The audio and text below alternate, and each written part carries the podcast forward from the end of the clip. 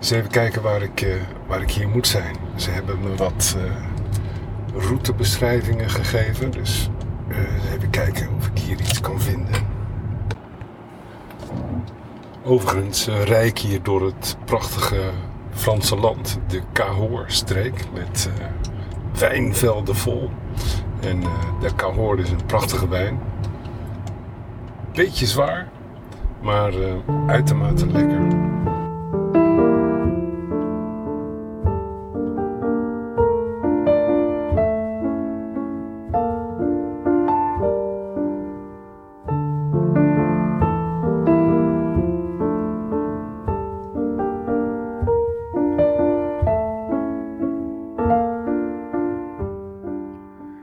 Welkom bij deze nieuwe aflevering van de KantoCast, de Key Moment Podcast.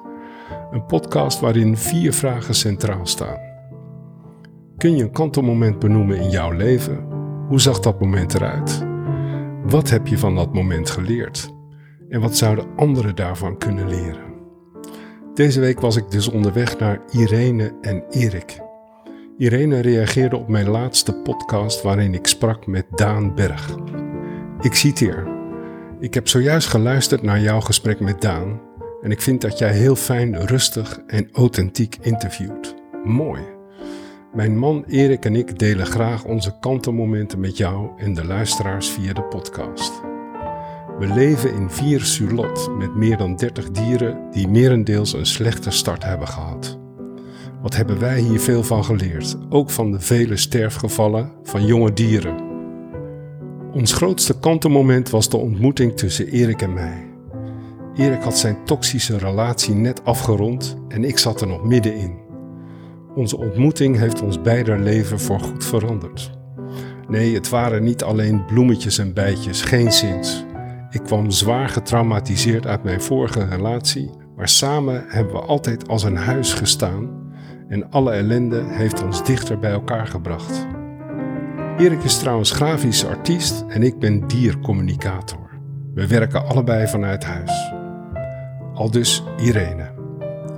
Alvast bedankt voor het luisteren naar deze aflevering. Vergeet niet de kantelkast te waarderen met sterren op Spotify. Nogmaals veel plezier. De liefde overwint. Altijd.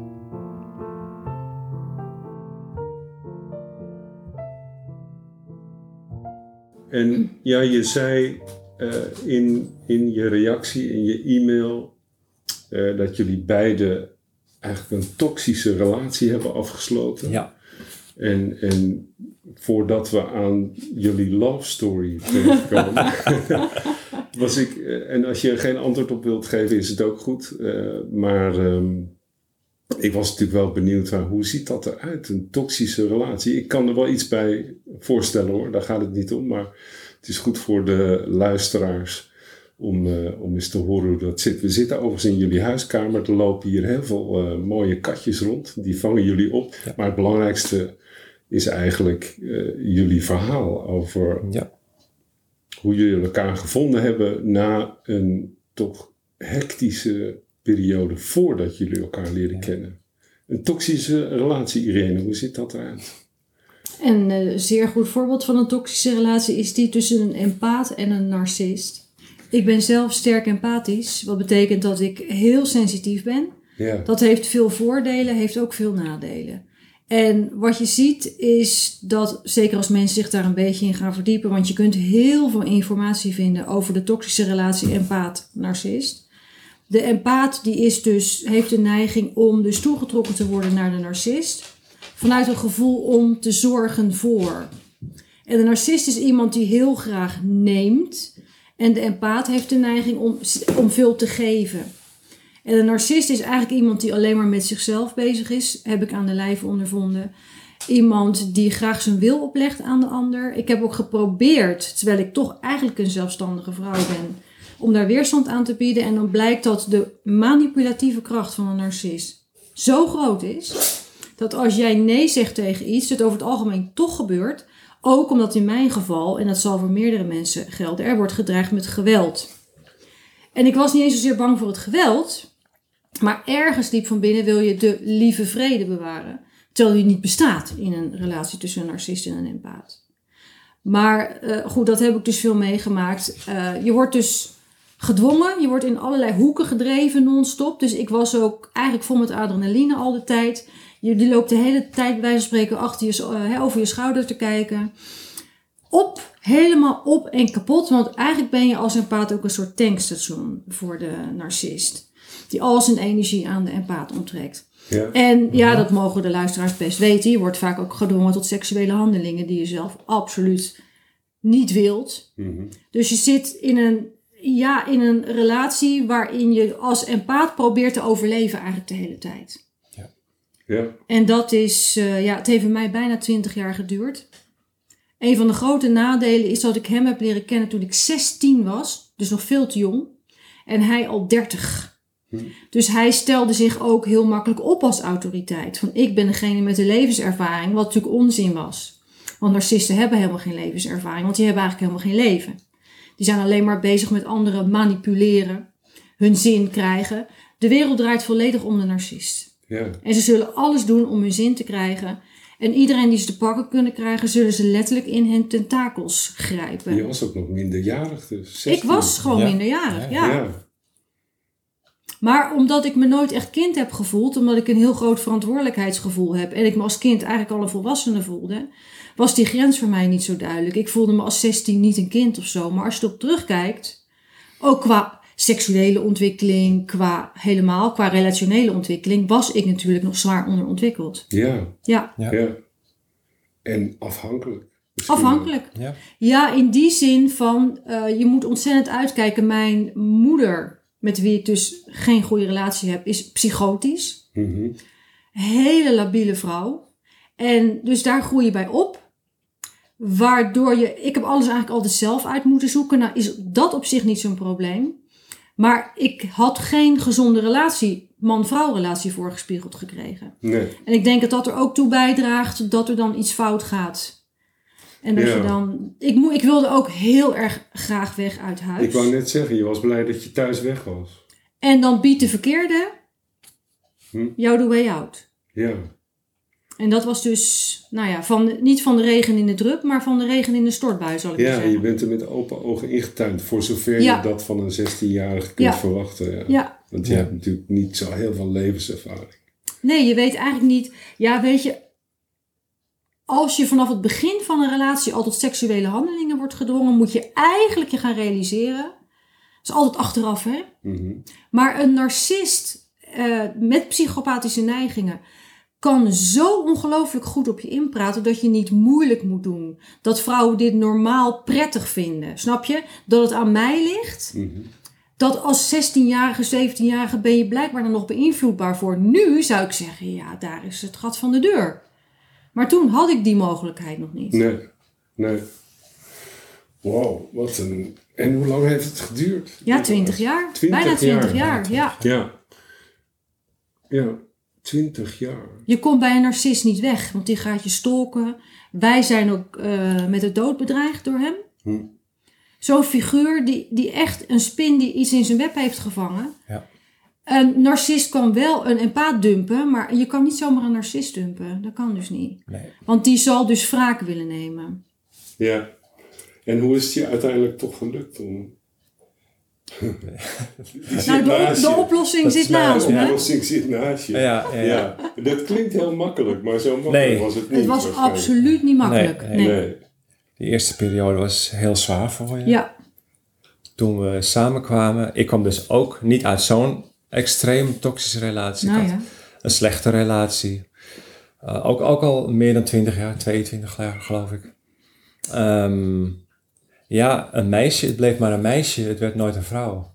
Ze werd nooit volwassen, dus ze bleef ook maar constant dingen van mij verlangen en vragen. Alsof ik haar vader was. Of alsof ik, ja, ik moest haar altijd beschermen en opvangen. En terwijl ze zelf dus de problemen veroorzaakte, moest ik die oplossen altijd. Tot ik op een bepaald moment zei, nee, nu doe ik dat niet meer. En twee, drie jaar later was de relatie dan ook over. Ja. Maar tegelijkertijd, het, het, kostte mij ook heel veel energie. Het heeft me ook meer jaren gekost dan die twintig om echt... Uh, ja, het heeft, me, ja, laat ik zo, het heeft me meer dan twintig jaar gekost, die relatie, dan de twintig jaar die we samen zijn geweest. Hmm. In, in, en hoe bedoel je dat? Emotioneel. Om er los van te komen. Om, los te komen. Om, het loskomen ging eigenlijk heel, heel makkelijk. Toen we eenmaal uit elkaar waren, was het ook...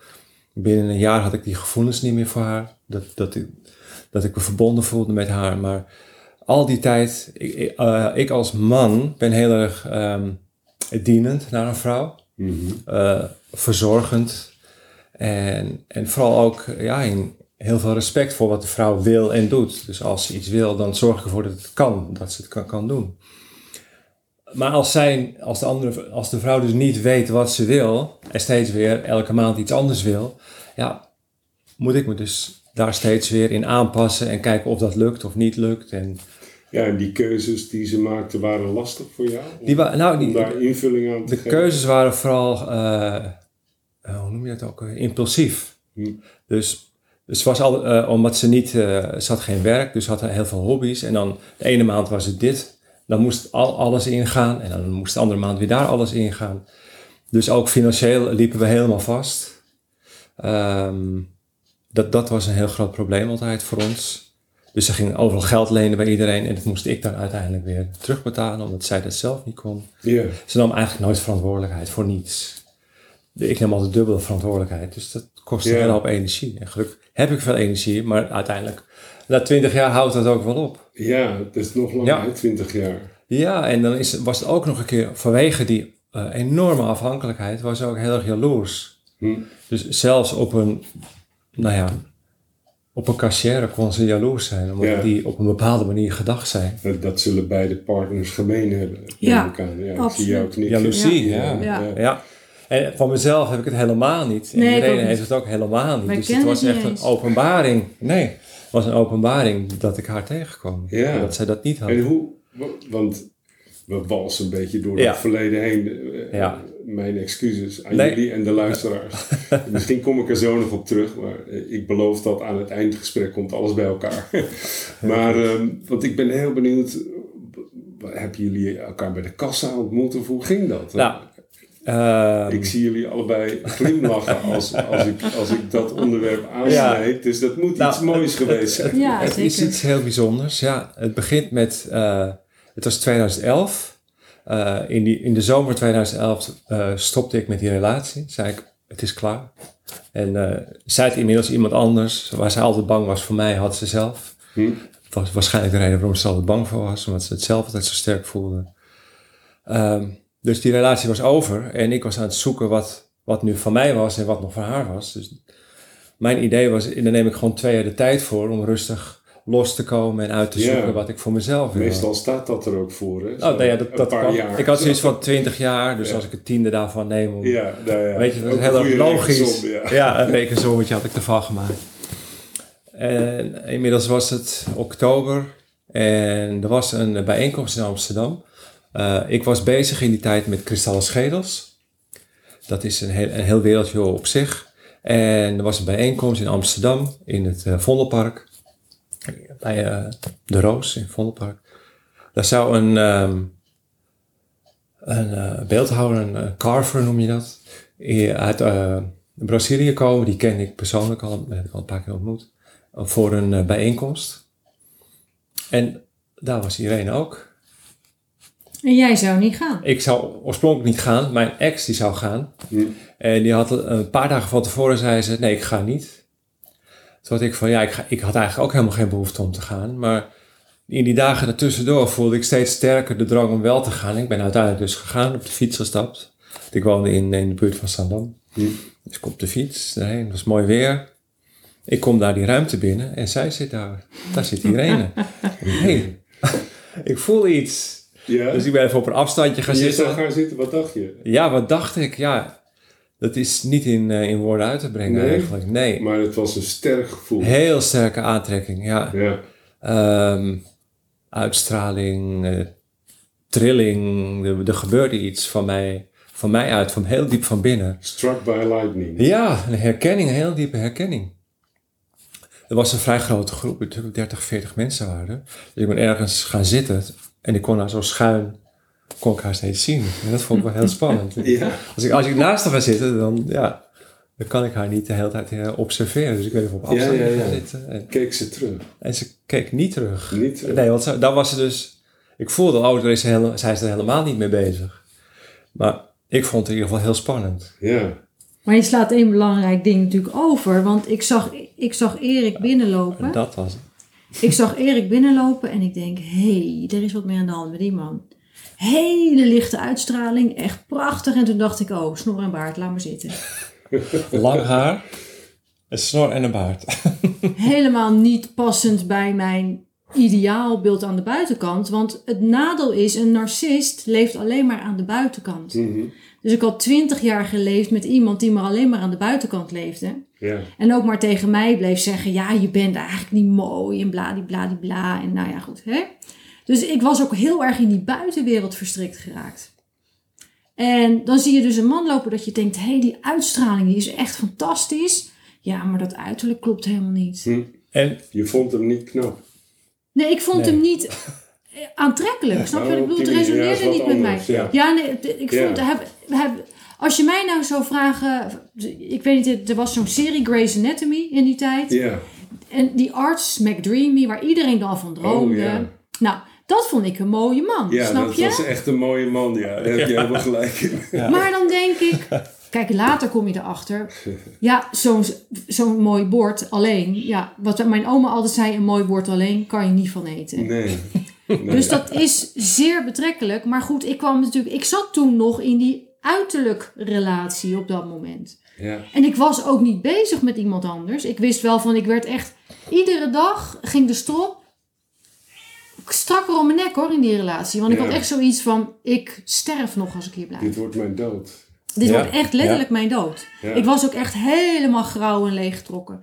Maar je hebt ook niet meer het vermogen om dan echt te kunnen bedenken wat er anders mogelijk is. Je zit zo vastgedraaid in de situatie.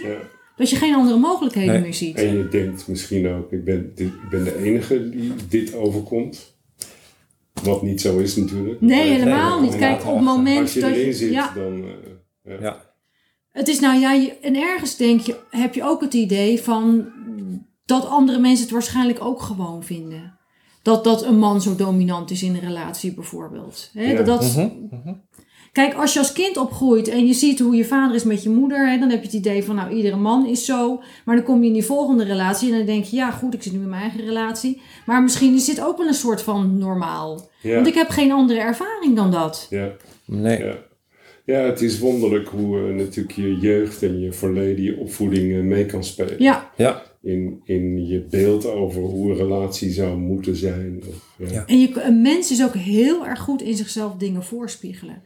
Oh, ik zie het waarschijnlijk niet goed. Hij bedoelt het waarschijnlijk niet. Ja, we zien dingen oh, sowieso niet goed. Als ik nee, ochtends in de spiegel kijk als ik uit bed kom, dan, mhm. dan denk ik te zien zoals ik er letterlijk uit, maar je ziet altijd wat anders. Ja. Of je vindt jezelf te dik of te mager. Ja. Of uh, ik heb flaporen, wat wel zo is trouwens.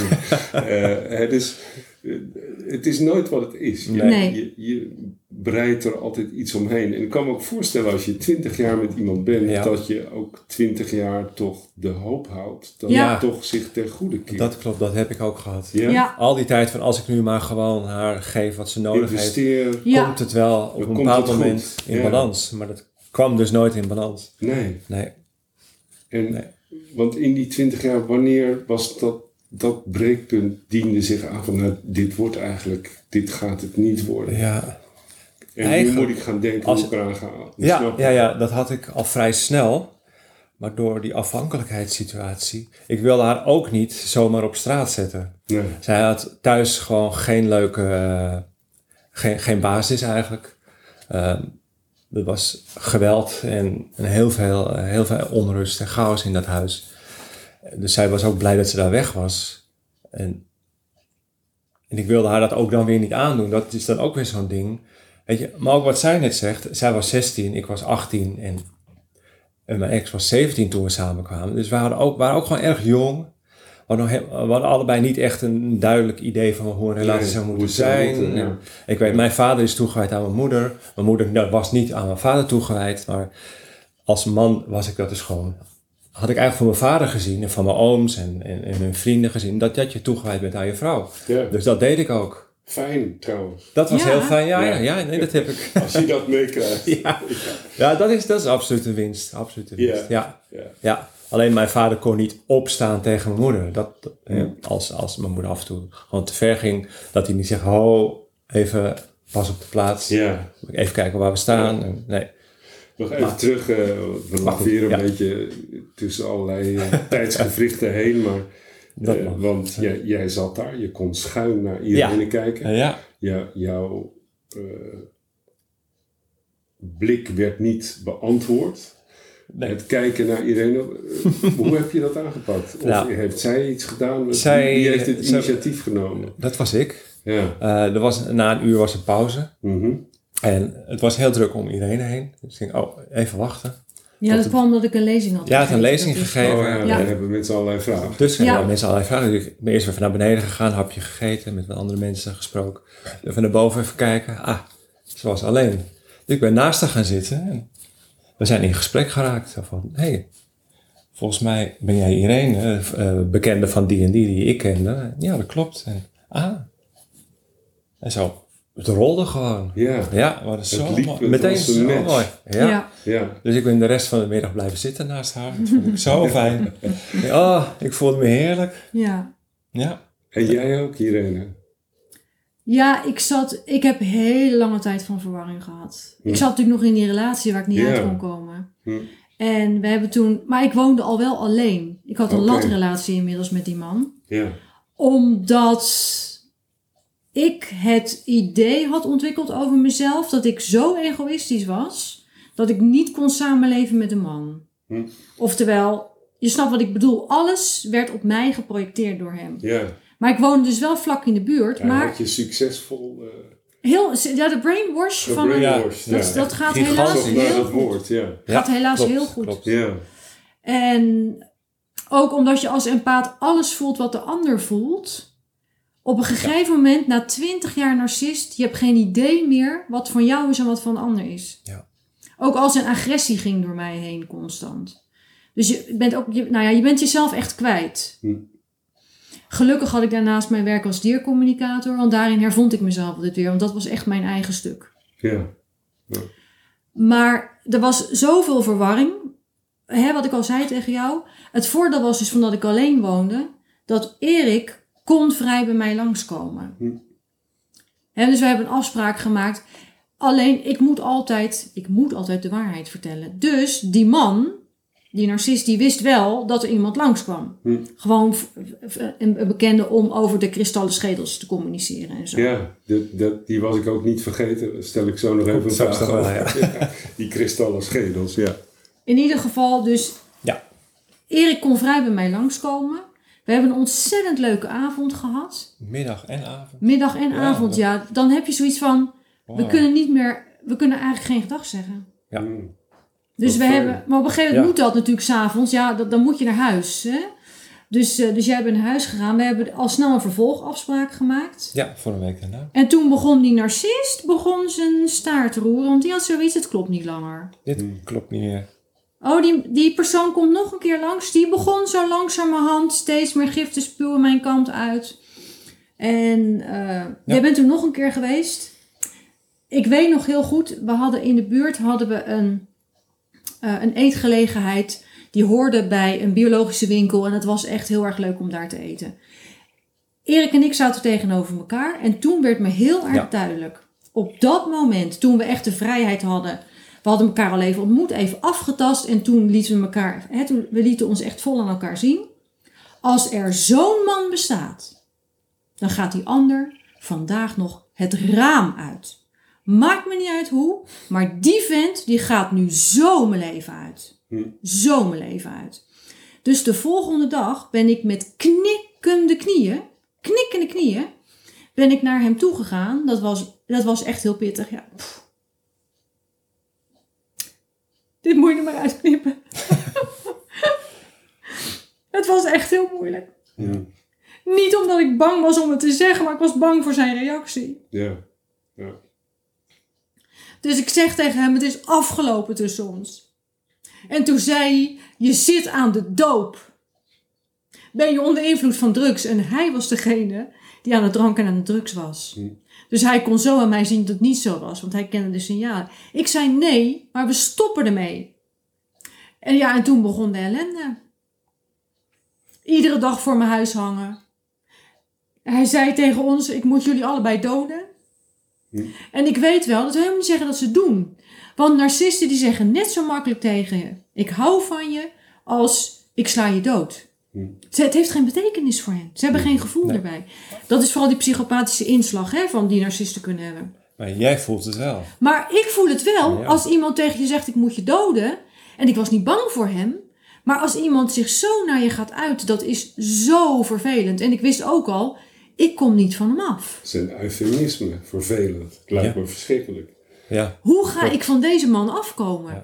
Ik moet dus binnen no time bij Erik gaan wonen. Hm. Want hij gaat iedere dag op onze stoep zitten en straks staat hij daar met een hondbakknuppel. Je weet het niet. Ze zijn tot alles in staat. Dus ik ben heel snel bij Erik ingetrokken. Maar ik heb natuurlijk ook mijn werk. En uh, ik had ook een website, dus hij kon ook ons telefoonnummer vinden.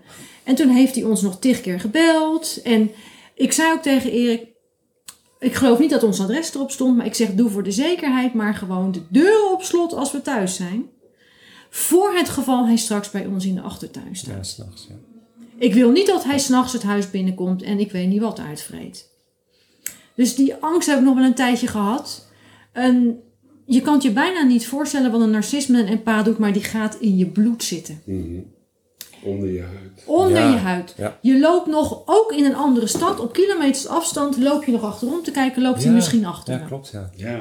Als ik iemand met zo'n petje zag, want hij had net zo'n petje als jij op altijd, mhm. dan had ik zoiets, zou dat hem zijn. Het is zo, het is zo in je hoofd gaan zitten, dat je ziet dat figuur overal. Ja. En het, het, heeft nog, het, is nog genezen.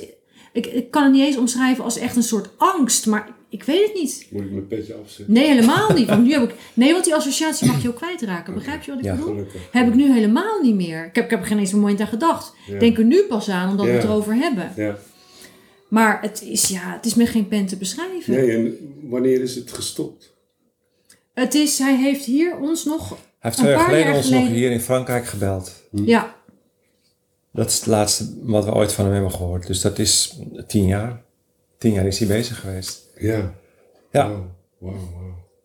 Het uh, bijzondere was, toen je bij me kwam wonen, uh, ik had toen nog best veel last van mijn vorige relatie. Want we waren best innig verbonden en ze was net weg. Toen zeiden we nog tegen elkaar, toen zei jij nog tegen mij, uh, jij zal nog wel een tijdje mee bezig zijn met het verwerken van die relatie. En toen zei ze van, ja, ik ben er eigenlijk nu vanaf, het is wel klaar. Maar twee maanden later kwam alles pas echt los bij jou. Maar ze had in, ze had in het begin, de eerste maand, geen idee wat, wat haar eigenlijk was overkomen. Het was zo diep traumatisch dat, dat ze dacht van ja, weet je, ik, ik, ik, hield niet van hem, dus ik hoef daar niet los van te komen. En, maar dan komt pas naar voren wat voor uh, oorlog, oorlogsgebied jij in hebt gezeten. Ja. Je zit met posttraumatisch stress. Ja, en dat heeft, ja. heeft heel, lang, heel lang geduurd. S'nachts ben je, met iedere nacht droom je erover. Ja, en dan, Nog steeds? Nee, dat is nu, maar dat is nog niet zo lang geleden. Niet zo lang geleden, nee. Nee, je bent nog zeker tien jaar ermee bezig.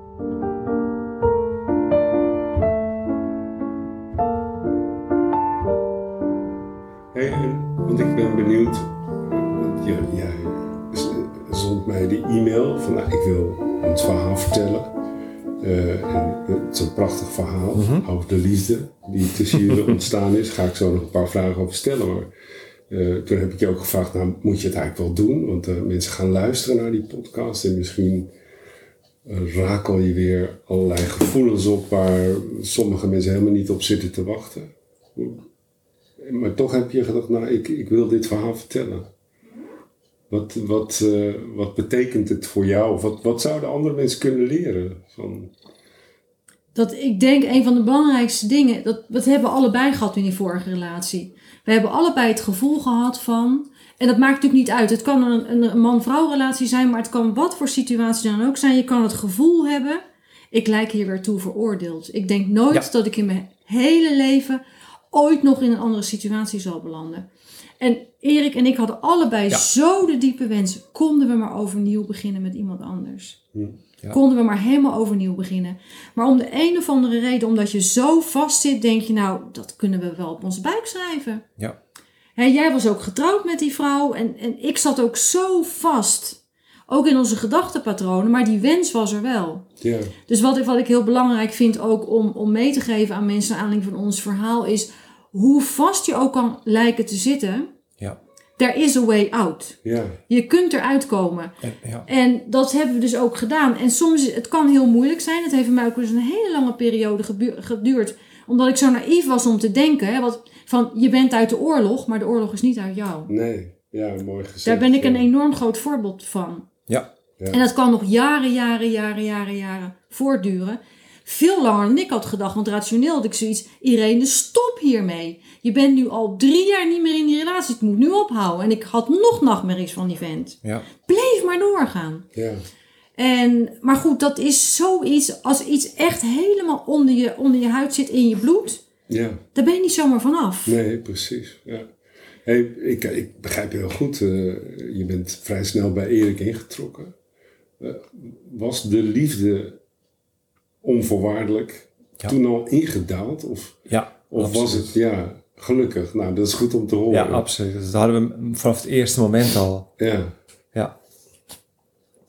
Wat Ja. voor mij natuurlijk een belangrijke bevestiging was, was... Ik mocht iedere Oh ja. keer weer dwars door jouw uiterlijk heen. Snap je? Want aan de buitenkant herkende ik het niet zo. Want ik had dan die McDreamy in mijn hoofd van Grey's Anatomy. Patrick Dempsey. Patrick Dempsey. Juist. Dus ik mocht, en ik denk, en toch mijn hele gevoel zegt, dit is hem. Ja. Snap je?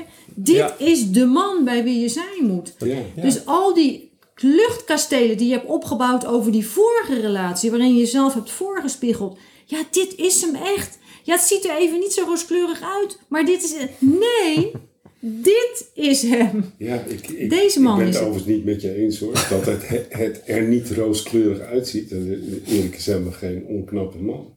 Nee, het, En het interesseert me niet. Ja. nee maar jij hebt daar Ik sowieso zei dat Irene-. En jij trouwens ook niet. Dus, Nee, eh, daarom. ja. Ik zeg, iedereen doe je ogen dicht. Wat voel je? Het gaat vooral, ja, dat En was dat het is het. belangrijkste. Het, Ja. de- zeker die eerste maanden dat we samen waren, we hielden elkaar heel lang, heel va- vaak heel lang vast. Ja, Ogen dicht.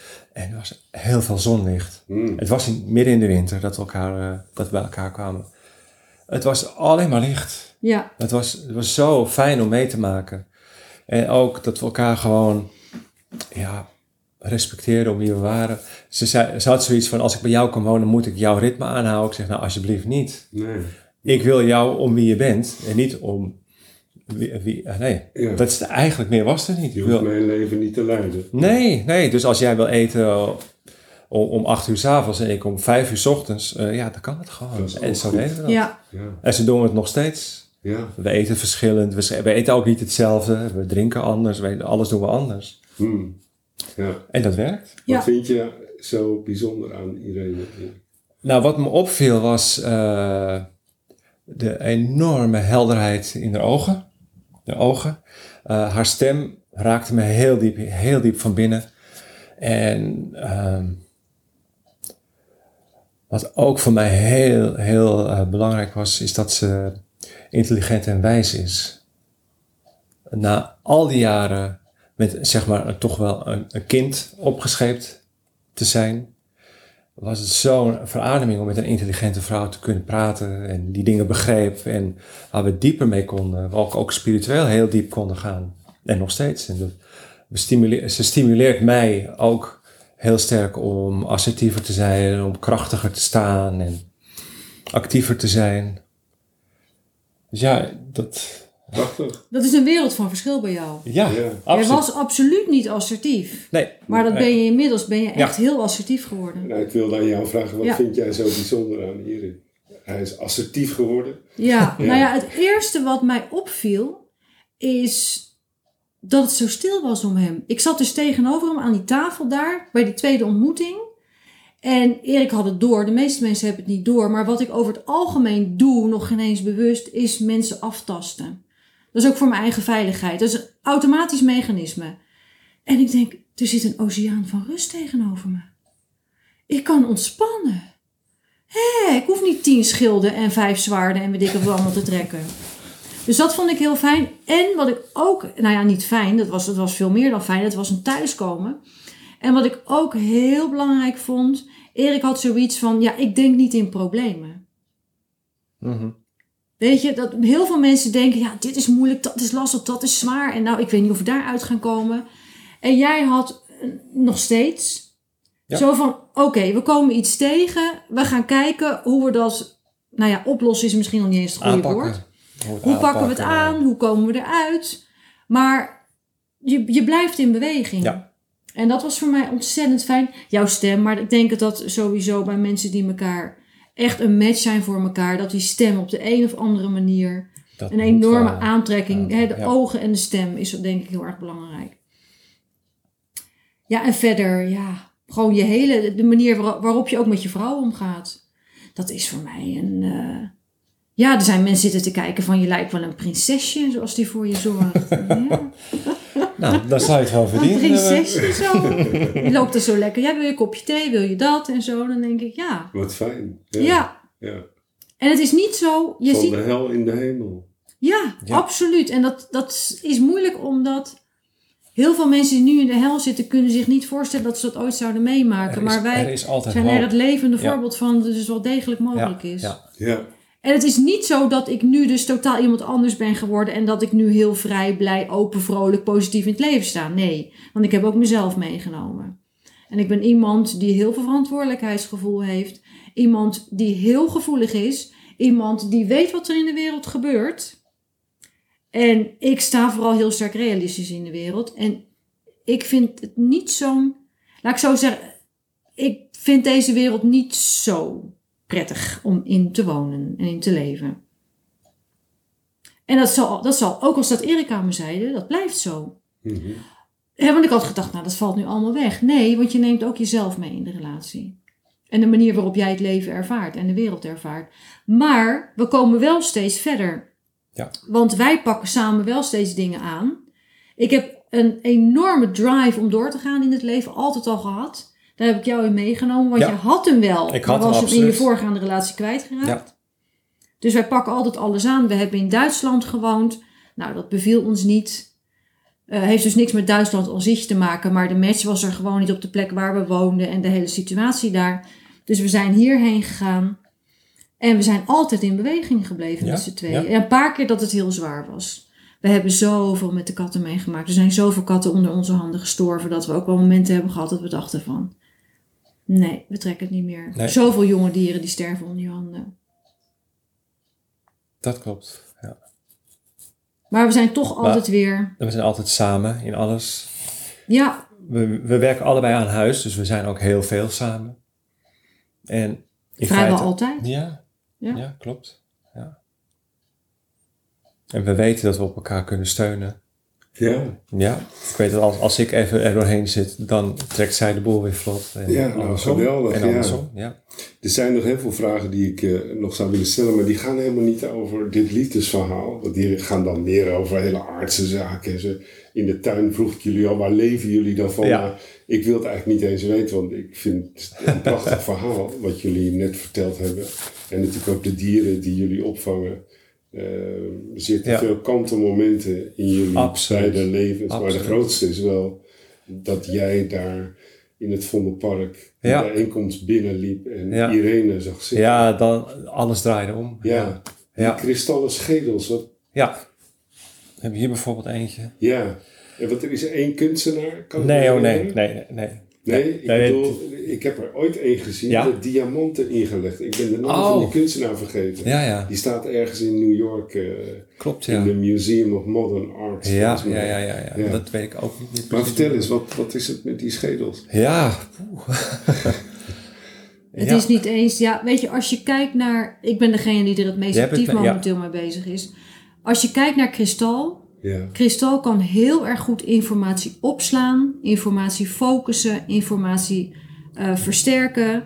Uh, en doorgeven. Doorgeven. Het is ook niet voor niks dat er dus kristallijne structuren in onze apparatuur zitten, zoals bijvoorbeeld in, ons, in de computerchips en zo. Ja. En het komt natuurlijk ook uit de aarde. Veel mensen zeggen van als ze een edelsteentje vastpakken, dat ze dan een bepaalde sensatie ervaren. En, wat wij, en dan kan je er een bepaalde vorm aan geven. Je ziet bijvoorbeeld hartjes, je ziet uh, puntkristallen die dus heel goed zijn met focussen. Je ziet dus ook de, de kristallen schedels. En het is een goede vraag hoor, waarom de schedelvorm? Maar wat voor mij het gevoel geeft, maar je zou dan ook terug kunnen gaan dus naar hoe er in het verleden werd geleefd met de schedels. Want de Maya-cultuur wordt nogal eens samengebracht, ook met de kristallen schedels, als belangrijke voorlopers. Mhm. Dat er dan een bepaalde persoonlijkheid nog weer wordt meegegeven aan zo'n kristallen schedel. Dus er zit een bepaalde energie in. Van deze word ik bijvoorbeeld heel blij. Heeft ook met de steensoort te maken overigens hoor. De labradoriet. Maar de labradoriet, deze is, labradoriet is heel, heel beschermend. Wat ik ook heel sterk nodig heb als empaat. Ja. Maar van deze word ik dus bijvoorbeeld als deze Mag beet... vasthouden? Ja, zeker. Ja. ja. Waar komt dit vandaan? Deze steensoort? Labradoriet weet ik. Ik denk dat ja. hij verschillende plekken van de wereld... Ja, er zijn verschillende hm. plekken te vinden, ja.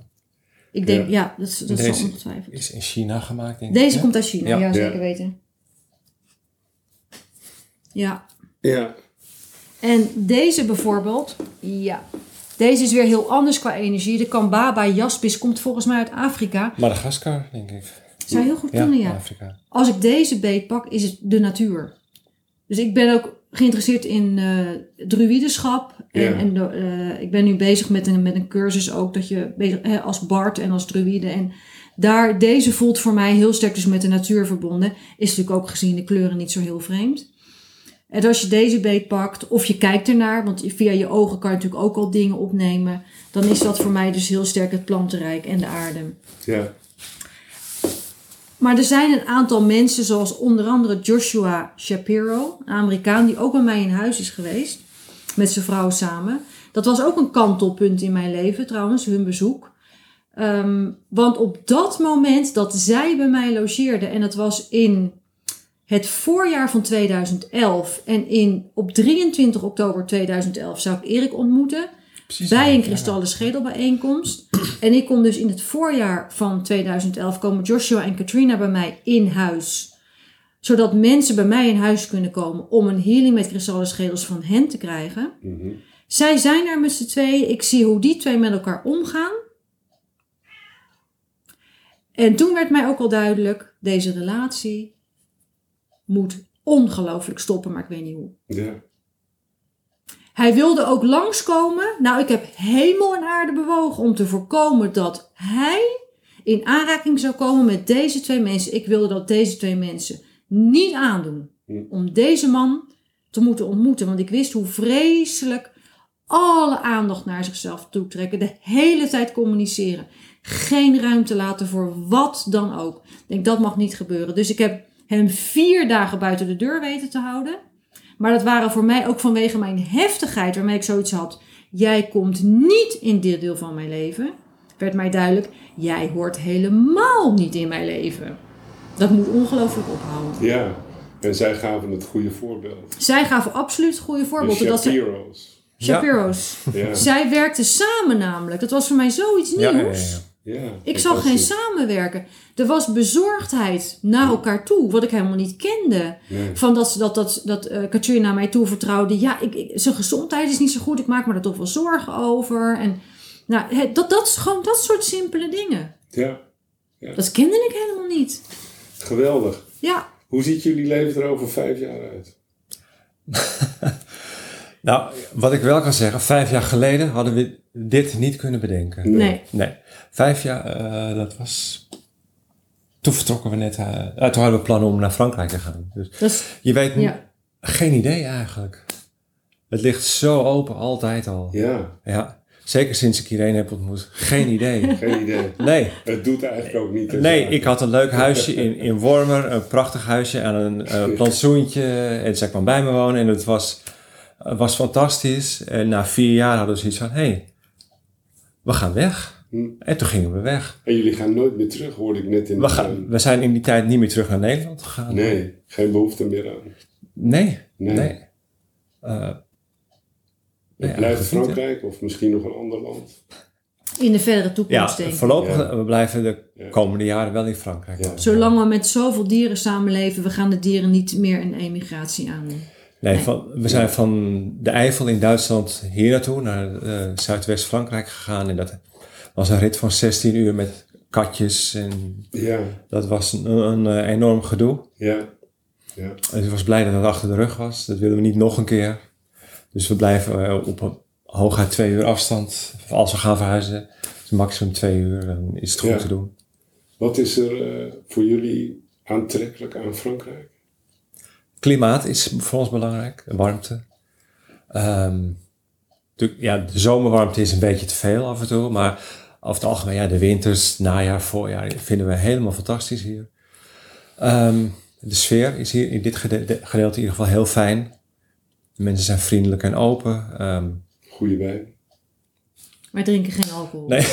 ja. Ik vermoedde al zoiets. Ja, ja, ja. ja. Oké, nee. nee. maar dat, dat zijn dingen die voor ons belangrijk zijn. Uh, Rust, uh, fijne omgeving, ruimte.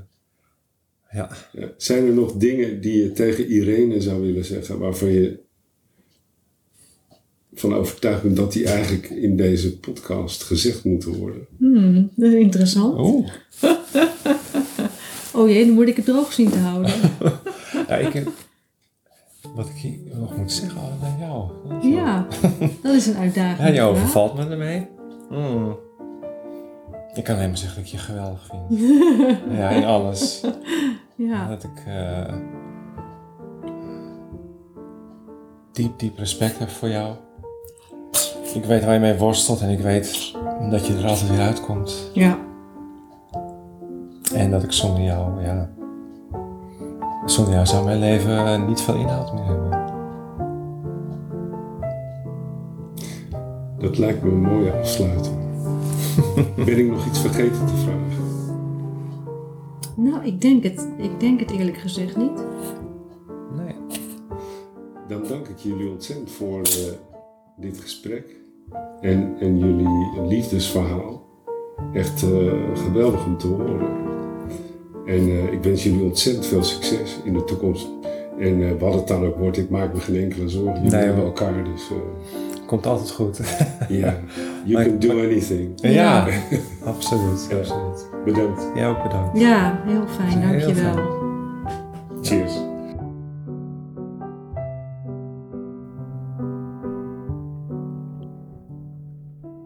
Dank voor het luisteren naar deze aflevering van de Kantelcast. Dank aan Irene en Erik. Wat een prachtig cadeau dat die twee mensen elkaar gevonden hebben. Als jij iets vindt van deze aflevering, laat het ons weten. Schrijf een review. Geef ons sterren als je via Spotify luistert. Dat vergroot onze ranking.